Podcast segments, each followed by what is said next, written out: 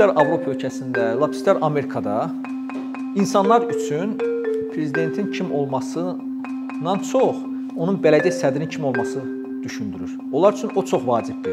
Çünki ölkə rəhbəri istər baş nazir olsun, ya istər prezident olsun, o ölkə səviyyəsi problemi həll edirsə, amma bələdiyyə sədri yaşadığı ərazinin sosial problemlərini həll edir. Ümumiyyətlə idarə olunan cəmiyyət. İdarə olunan cəmiyyət dedikdə əlbəttə burada hamı gənclərdir. Biz özümüz mən özümü keçid dövrü yəni insanı sayıram. Orta məktəbi Sovet dövründə bitirmişəm, ali məktəbi müstəqil Azərbaycan dövründə. Yəni mən təhsil almışam. Ona görə də mən köhnəni də, təzəni də hardasa görmüşəm canlı olaraq. Yəni idarə olunan cəmiyyət Sovet dövründə necə idi? Yəni qərarlar yuxarıdan verilirdi aşağı doğru və aşağı doğru qərarlar hamısı icra olunurdu. İndi bu qərarların icra olunması səviyyəsi, keyfiyyəti başqa məsələ. Nə dərəcədə bu qərarlar verilirdi? Yəni insanların rəyini nəzərə almaq, rəyinin nəzərə alınması mexanizmi yox idi faktiki olaraq. Yəni bu mexanizm hansı mexanizm ola bilərdi? Seçkidir. Seçki insanlar belə deyək, xüsusi insanlar var idi, namizədliyin verirdi və onlar da seçilirdi. Ayrı bir mexanizm yox idi ki, insanların nə baş verdiyini yerlərdə müəyyən müəyyən edəsən. Ona görə də bu daha çox idarə olunan idarə olunan bir cəmiyyət idi. Və bu idarə olunan cəmiyyət o qədər uzun çəkdi ki, artıq insanlar özünü idarə etmək istəmədilər. Yəni bir növ tənbəllik yarandı. İnsanlarda müəyyən bir biganəlik yarandı və belə hesab elədi ki, nə biznesdə, nə ümumiyyətlə idarə etmədə bir təşəbbüskarlıq ölməyə başladı insanlarda. Hesab elədilər ki, bunların əvəzində kimsə qərar verir, bunların əvəzində kimsə bu problemi həll etməlidir, bunların əvəzində kimsə təklif verməlidir və s. Və bu baxımdan və bunlar da dəstəklənməlidir. Əlbəttə, yeşilliklə dəstəklənməlidir. Yəni bu qərarların əleyhinə kimsə çıxa bilməz. Bu baxımdan bu vəziyyət əlbəttə heç də arzu olunan deyildi və nahaqdan demirdilər ki, əlbəttə Sovet dövrünün müsbət tərəfləri də var idi. Biz onun üstünə tam xətt çəkmək, hər şey pisdir demək düzgün olmaz. Onun da müsbət tərəfləri də var idi. Amma onun ən böyük mənfi tərəfi oldu ki, insan azadlığı yox idi. Yəni insan azadlığı bəlkə də biz bu azadlığı əldə edənə qədər onun nə olduğunu bəlkə bilməzdik, bilmirdik. Amma azadlığı əldə etdikdən sonra artıq onun biz hansı mahiyyət daşıdığını hardasa insan öz qanında, öz sümüyündə hiss etməyə başladı. Və bu baxımdan hesab edirəm ki, həmin dövrdə nahaqdan demirdilər ki, hər şey boz idi. Rənglər iki rəng var idi, ağ, qara. Ümumiyyətlə həyat boz idi. Ona görə bir belə deyək, yəni hamı kimi bir hərəkət etməyəndə, saçını hamı kimi saxlamayanda, geyimin hamı kimi olmayanda sanki bir belə deyək də, bir ala-qarğa dilləri bizə fikir var. Fərqlənirdin insanlardan. Mütləq fərqlənməli idin. Variantı yox idi onun. Amma indi rəngarənglik çoxdur və mən deyirəm bəlkə də həddən artıq çoxdur bəzən. Özünü idarə, hə, özünü idarə nə üçün lazımdır?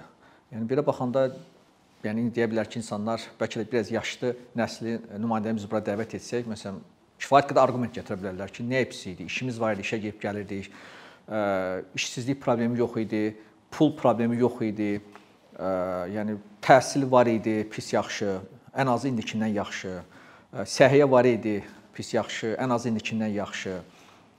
Yəni niyə biz e, nəyə pis ki, idarə olunmağın? Bir halda ki, mənim tələbatım ödənilirsə, mənim sosial problemlərim həll olunursa, bunun nəyə pisdir? Elə bunu belə belə davam etsin də. Biz yəni özümüzü idarə edib nəyə nail olduq ki, biz idarə olunub ona ona nail ola bilmədik. Əlbəttə bunlar ə, e, çox haqlı suallardır.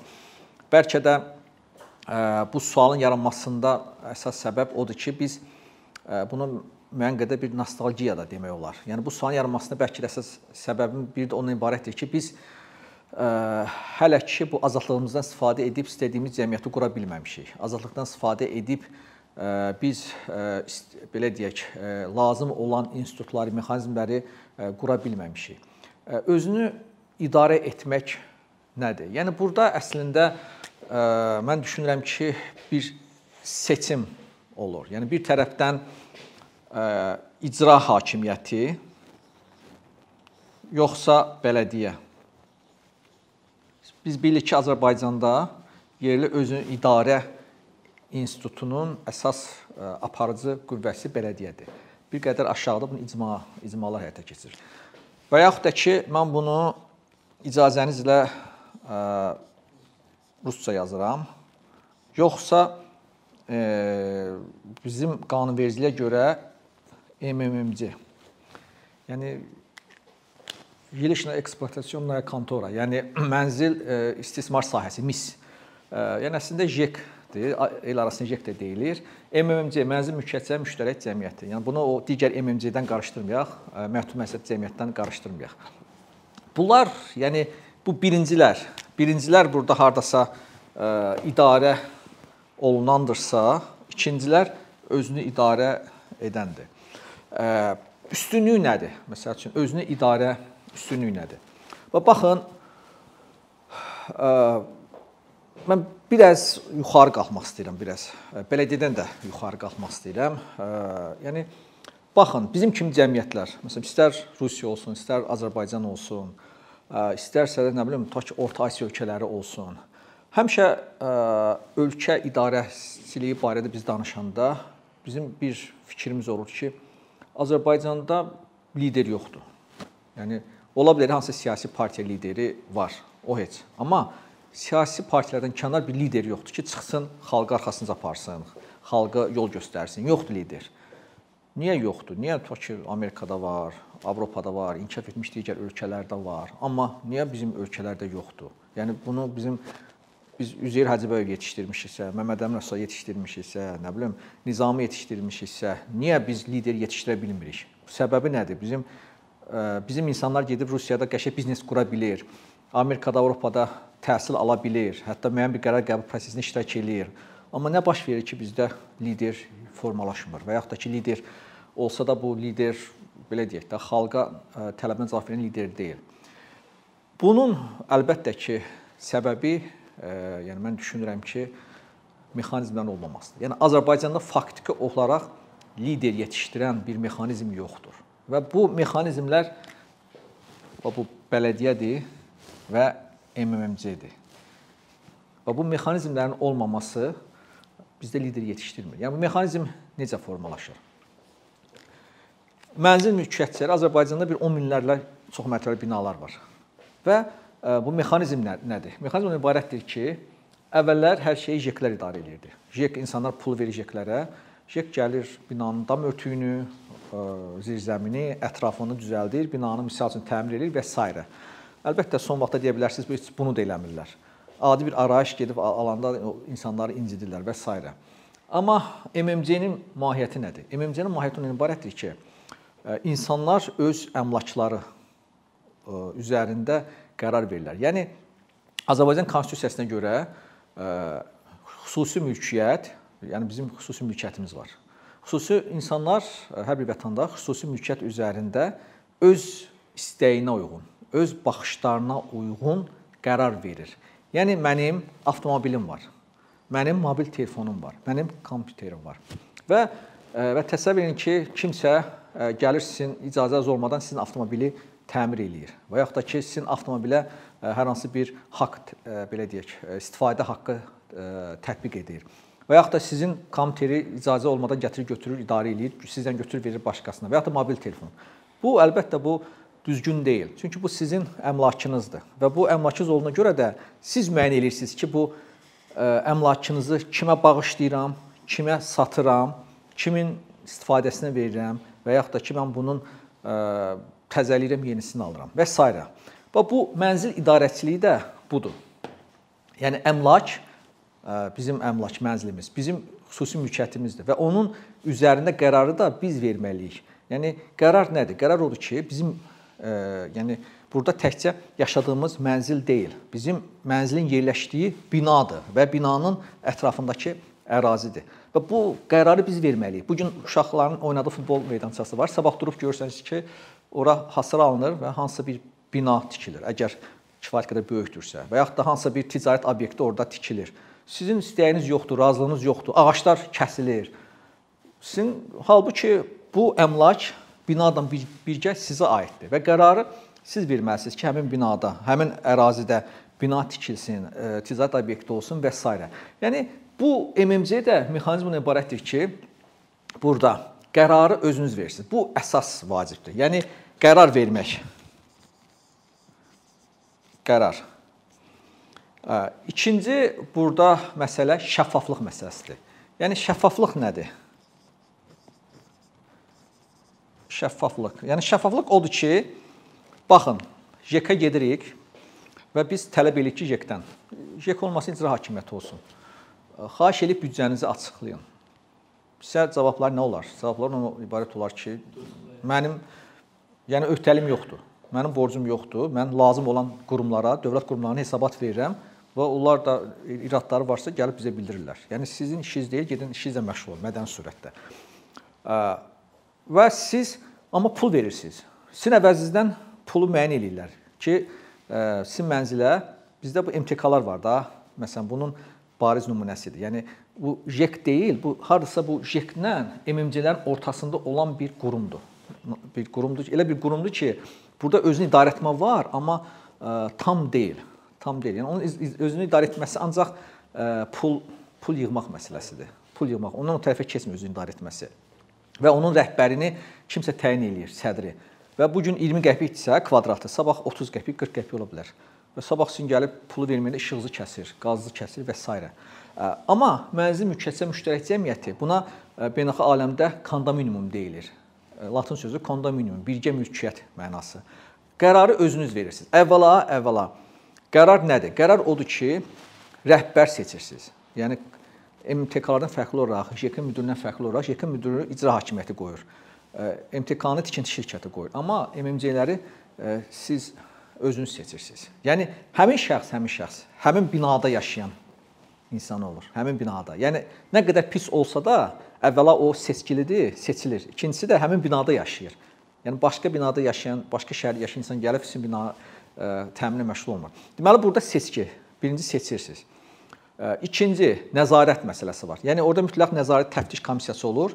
Yox, idarə heyət olur əvvəlcə. İdarə heyəti tək ola bilər. 3, 5, 7, 9 və onlar nəzarət edir. Onlar kim ola bilər? Binanın ağsaqqalı və s. və onlar sədrin sədrin fəaliyyətinə nəzarət eləyirlər. Yəni burada kim kim alladır? Əgər biz pul ümumi yığılırsa, bu dövlət pulu deyil ki, birləşib yeyib dağıdasan. Bu sizin hamının puludur. Ona görə də istərsəməz bu belə deyək, həmin o idarə heyəti mütləq bu məsələdə nəzarət edir və nəzarət təftiş komissiyası. Yəni bu siyasi partiyalarda, QT-lərdə olanlar bu sistemi bilir. Yəni oxşar sistemdir.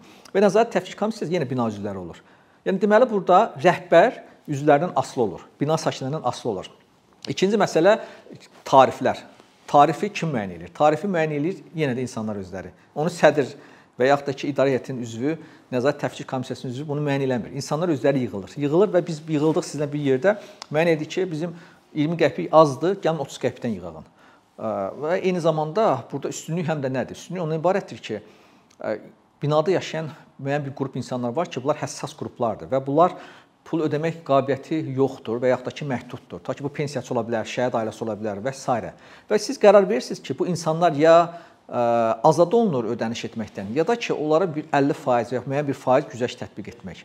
Və güzəşt tətbiq olunur və siz bu pulu yığırsınız və pul xərcləndikdən sonra Hətta o yığılmış pulla bağlı qərarı da yenə siz verirsiniz. Onu sədr vermir ki, o pulu biz hara xərcləyək.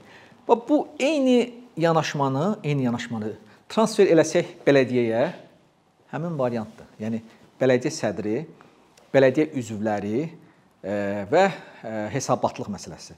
Düzdür, Azərbaycanda e, bələdiyyə maraq yoxdur. Bunun da səbəbi bircə səbəbi var çox səbəb e, çəkmək olar. Bircə əsas səbəb var ki, bu gün bələdiyyələrin səlahiyyəti yoxdur Azərbaycanda. Ona görə səlahiyyət yoxdur ki, birincisi bu qurum nədir? Bunun statusu hələ müəyyən edilməyib ki, bu bələdiyyə qurumu ümumiyyətlə nə qurumdur? Bu dövlət qurumudur? Deyil, dövlət qurumu. Qeyri-hökumət təşkilatıdır? Deyil. Kommersiya müəssisəsidir? Deyil. Bəs nədir? Bax bunun statusu müəyyən olunmadığına görə də bu gün bələdiyyələrin yəni funksiyası nədən ibarət müəyyən etmək çox çətindir. Səlahiyyətləri yoxdur bələdiyyənin və təbii ki, ona uyğun maliyyə imkanları. Və bələdiyyə əlbəttə bizdə bələdiyyə üzvləri arasından seçilir bələdiyyə sədri. Amma onun məncə əlbəttə bələdiyyə sədrinin əhali tərəfindən seçilməsi daha yaxşı olardı. Amma ola bilər bələdiyyə üzvləri arasında seçilməsi də belə deyək pis deyil. Və eyni zamanda hesabatlıq məsələsi. Deməli burada əsas nədir? Yəni bələdiyyə institutundan MMC-lər, yəni mənzillərin idarə edilməsi institutunun əsas özəlliyi nədir? İştirakçılıq. İştirakçılıq. İnsanlar iştirak edir. Bütün proseslərdə iştirak edir. Yəni iştirak etmək nədir? İştirak etmək gəlib oturub oturub qulaq asmaqdır və yaxud da ki, ümumiyyətlə gəlib kənardan nəyisə izləməkdir və s. Bu iştirakçılıq əlbəttə özündə çox məsələləri ehtiva edir. Yəni burada gəlib fiziki iştirakçılıqdan getmir söhbət. Burada artıq ikinci məsələ ortaya çıxır. Yəni iştirakçı o halda effektiv sayılır ki, burada səs, səsləri, səssizin bəli, bəli, bəli, ictimai iştirakçıdan gedir söhbət. Yəni burada əsas sizin o problemi qaldırmağınızdır. Sizin səslərinizin eşidilməsidir. Deməli, rəy və təkliflərin rəy və təklif nəzərə alınmasıdır. Və belə deyək, iştirak elədiniz fiziki olaraq. Ondan sonra rəy bildirdiniz, irad və təklifi bildirdiniz və hətta bunun özü də ictimai iştirakçılığı tam etibar eləmir. O halda bu ictimai iştirakçılıq effektiv sayır ki, sizin rəy və təklifiniz artıq nəzərə alınır. Qərar qəbulu prosesinə siz təsir edə bilirsiniz. Yəni əgər qərar qəbulu prosesinə siz təsir edə bilirsinizsə, deməli siz ictimai iştirakçılığa ə, nail ola bilmisiniz.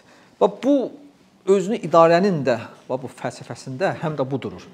İnsanlar iştirak edir, ə, rəyini bildirir və qərar qəbul prosesində təsir edir. Qərar qəbul prosesində təsir edir. Yəni artıq qərarı siz özünüz, özünüz verirsiniz. Yəni sizin əvəzinizdə kimsə ə, yol gəlib çəkmir, Sovet dövründə olduğu kimi. Sizin əvəzinizdə gəlib su, qaz, işıq problemini həll etmir.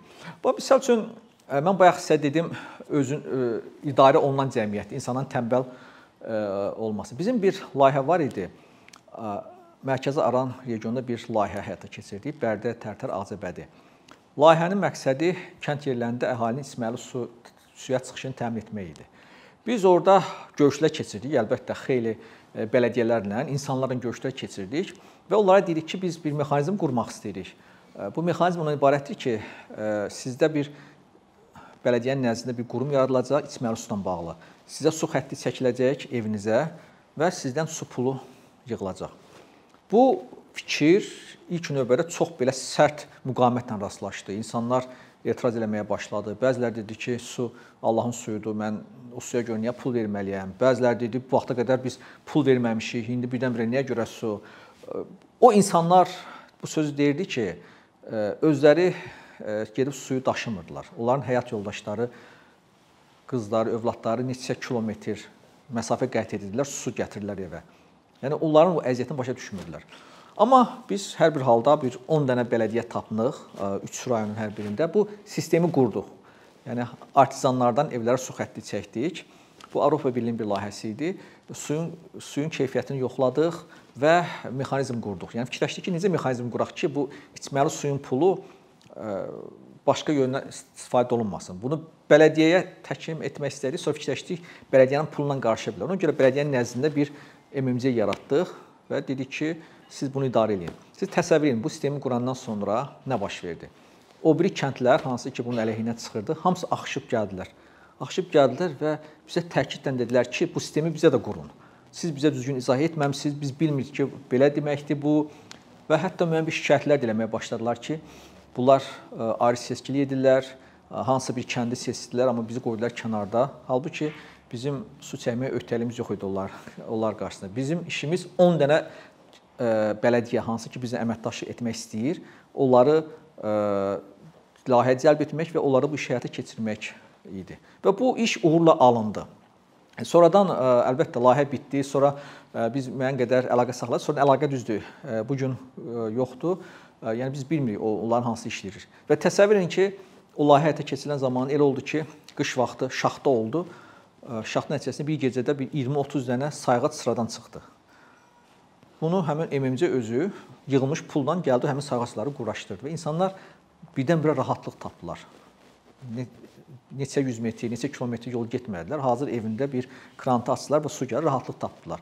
Ayda da 5 manat, 6 manat cəmsi suya pul verdi. Yəni biz bununla bağlı sorğu da aparmışdıq, araşdırma və məlum olmuşdu ki, insanlar orta hesabla kənd yerində e, təxminən 10 manat, 15 manat civarında pul xərcləyir ki, su e, əldə etsinlər. Yəni bu bir misaldır ki, insanlar özü idarə etmənin fəsadları, müsbət nəticələri ki, e, özü idarə etmə hansı müsbət nəticələr əldə etmək olar. Yəni bu baxımdan misal üçün bayaq lider liderlik barədə danışdım.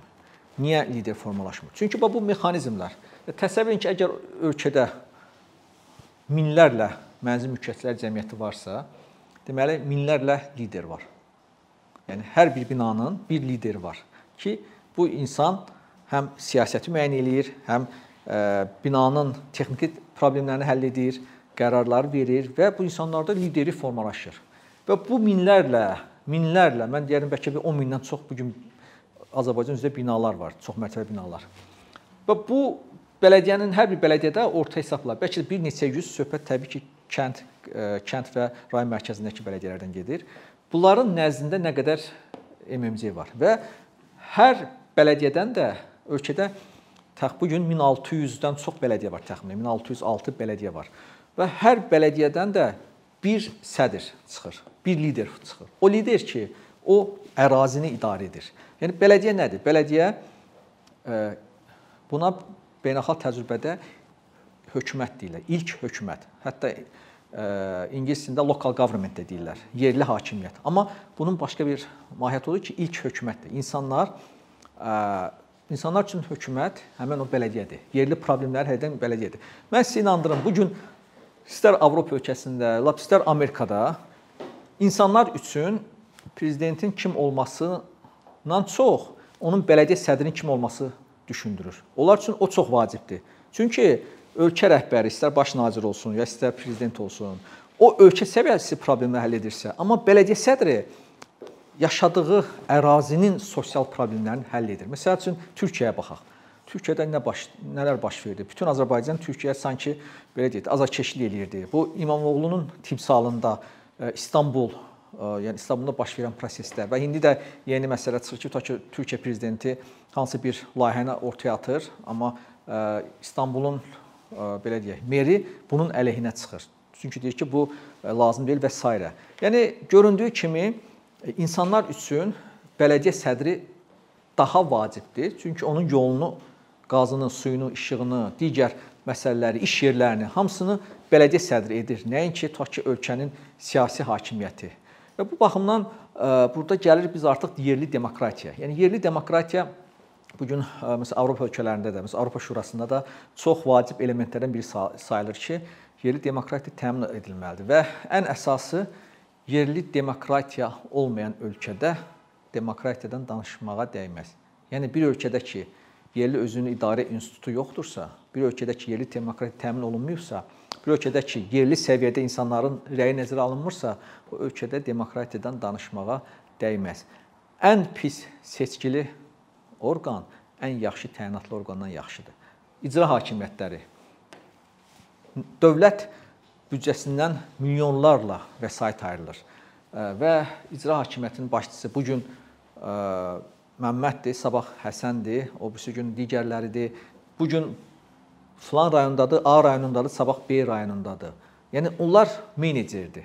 Amma bələdiyyə sədri, bələdiyyə sədri həmin ərazidə yaşayan, həmin ərazidə belə deyək, fəaliyyət göstərən insandan ibarətdir. Yəni burada artıq hesabatlıq məsələsi gəl ortaya çıxır ki, bələdiyyə sədri, bələdiyyə üzvləri əhali qarşısında hesabatlı olmalıdır və bu gün məsəl üçün cəmiyyətdə belə bir sual yaranır.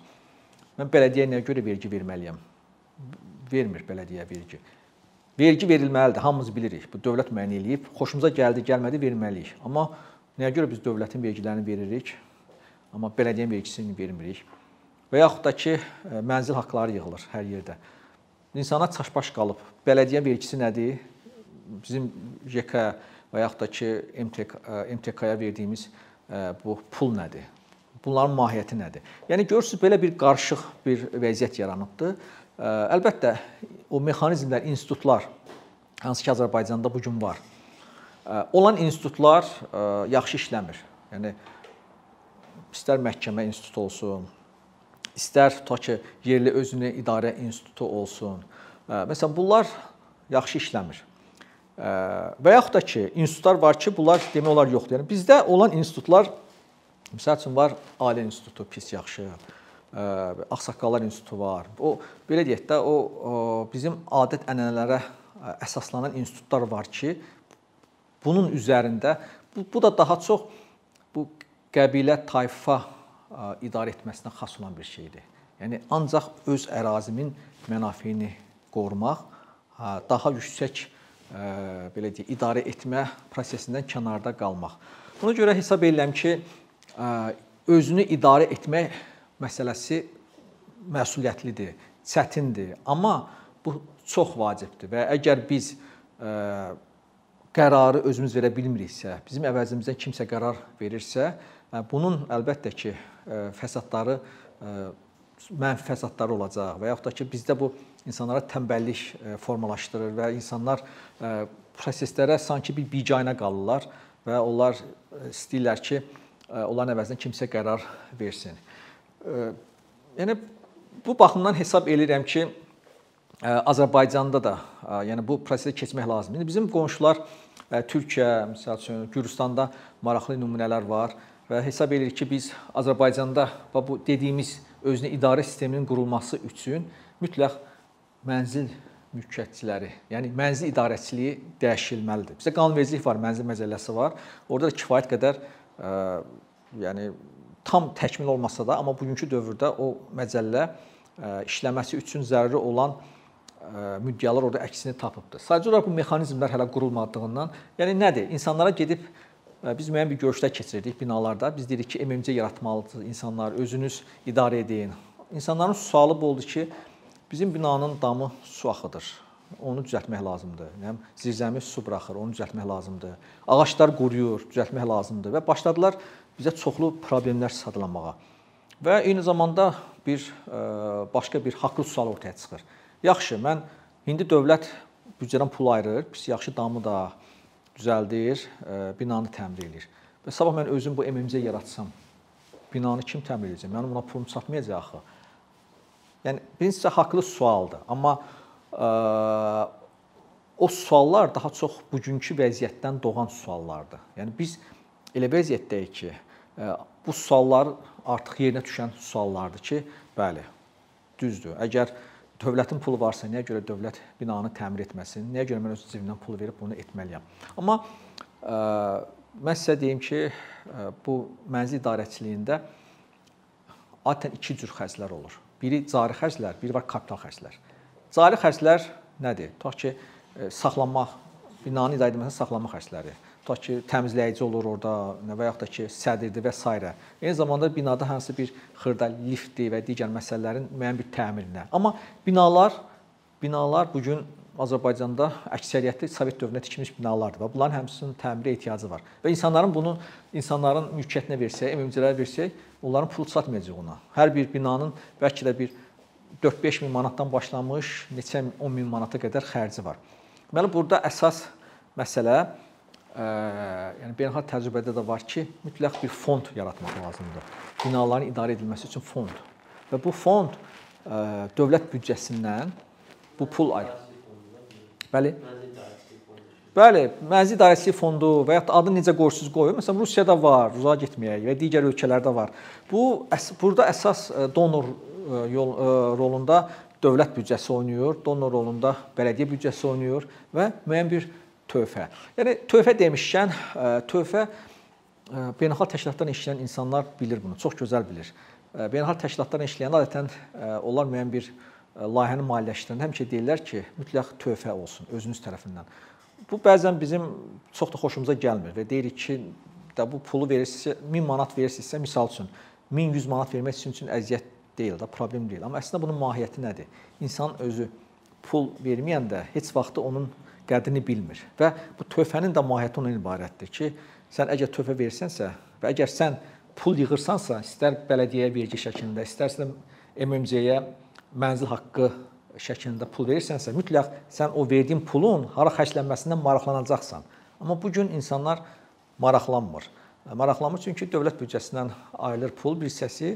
Düzdür, JEK-lərə ödənişlər edirdi, amma JEK-lərdəki hesabatlı deyillər və bu pulu hara xərcləyirlər. Mən əminəm ki, sual versəm, kimsə deməz ki, mən JEK-dən gedib öyrəndim, pulu hara xərcləyirsiniz? JEK hesabat da verməyəcək sizə. Çünki JEK təyinatlı qurumdur. Məsələn, Bakı şəhər. Bakı şəhərinə baxın, bəzən mətbuatda düzgün olmayaraq belə fikir səslənir ki, Bakı şəhərin meri. Əvvəl Hacı Bala Talıbov, bu gün Eldar Əzizov, amma əslində mer deyil onlar. Onlar icra hakimiyyətinin başçısıdır. Mer Azərbaycanda mer institutu yoxdur, formalaşmır. Çox təəssüfdür ki və mən Avropa Şurasının ekspert qrupundayam. Azərbaycan Avropa Şurasının üzvüdür. Avropa Şurasının 40-dan çox üzvü var. Azərbaycan yeganə ölkədir ki, mer institutu yoxdur. Paytaxtın mer institutu yoxdur. Və baxmayaraq ki, bizdə mer institutu paytaxtı Bakıda 1800 təxminən 78-ci ildə yaradılıb. O vaxt Rus Rusiyanın nəzdində olanda. Həmin dövrdən hardasa Demokratik Respublika dövründə də bizdə mer institutu Yəni eşitmiş olarsınız Duma, Bakı şəhər Duması, seçkili qurumları olubdu. Seçkili orqan olubdu. Şəhər e, yəni qərarı bu Duma verir. Yəni bunun mahiyyəti nədir? İnsanlar e, seçilir, tutaq ki, e, üzv ola bilər, Dumanın üzvü ola bilər, say müxtəlif ola bilər. Nə bilim mən, bizdə parlamentdə kimi 70-80-dən tutmuş və yaxud daha çox ola bilər. Ayrı-ayrı təbəqələr partiya mənsubiyyəti, dini mənsubiyyəti, milli mənsubiyyəti, yəni fərq qoymadan bu prosesdə iştirak edə bilərlər və seçilirlər və şəhərin idarəsinə bağlı qərar verə bilərlər. Amma bu gün Bakıda nə baş verir? Bu gün icra hakimiyyəti hansı bir qərar verir, insanların rəyi nəzərə almadan, nə bilim bu söküntü işləri, nə bilim tikinti işləri və s. və ilaxır. Və insanlardan artıq icra hakimiyyəti qarşısında arasında bir gərginlik yaranır. Ona görə ki, yenə deyirəm, o qərarı verən şəxslər insanlar tərəfindən seçilməyib. Qərar verən şəxslər təyin olunub və onlar onları təyin edən şəxs qarşısında və yaxud şəxslər qarşısında hesabatlıdır. O vaxtı artıq insanların rəyi, insanların səsi eşidiləcək ki, insanlar tərəfindən həmin şəxslər, qərar qəbul edən şəxslər seçiləcəklər və insanlar tam olaraq özünü idarə etmə sisteminə yəni keçəcəklər.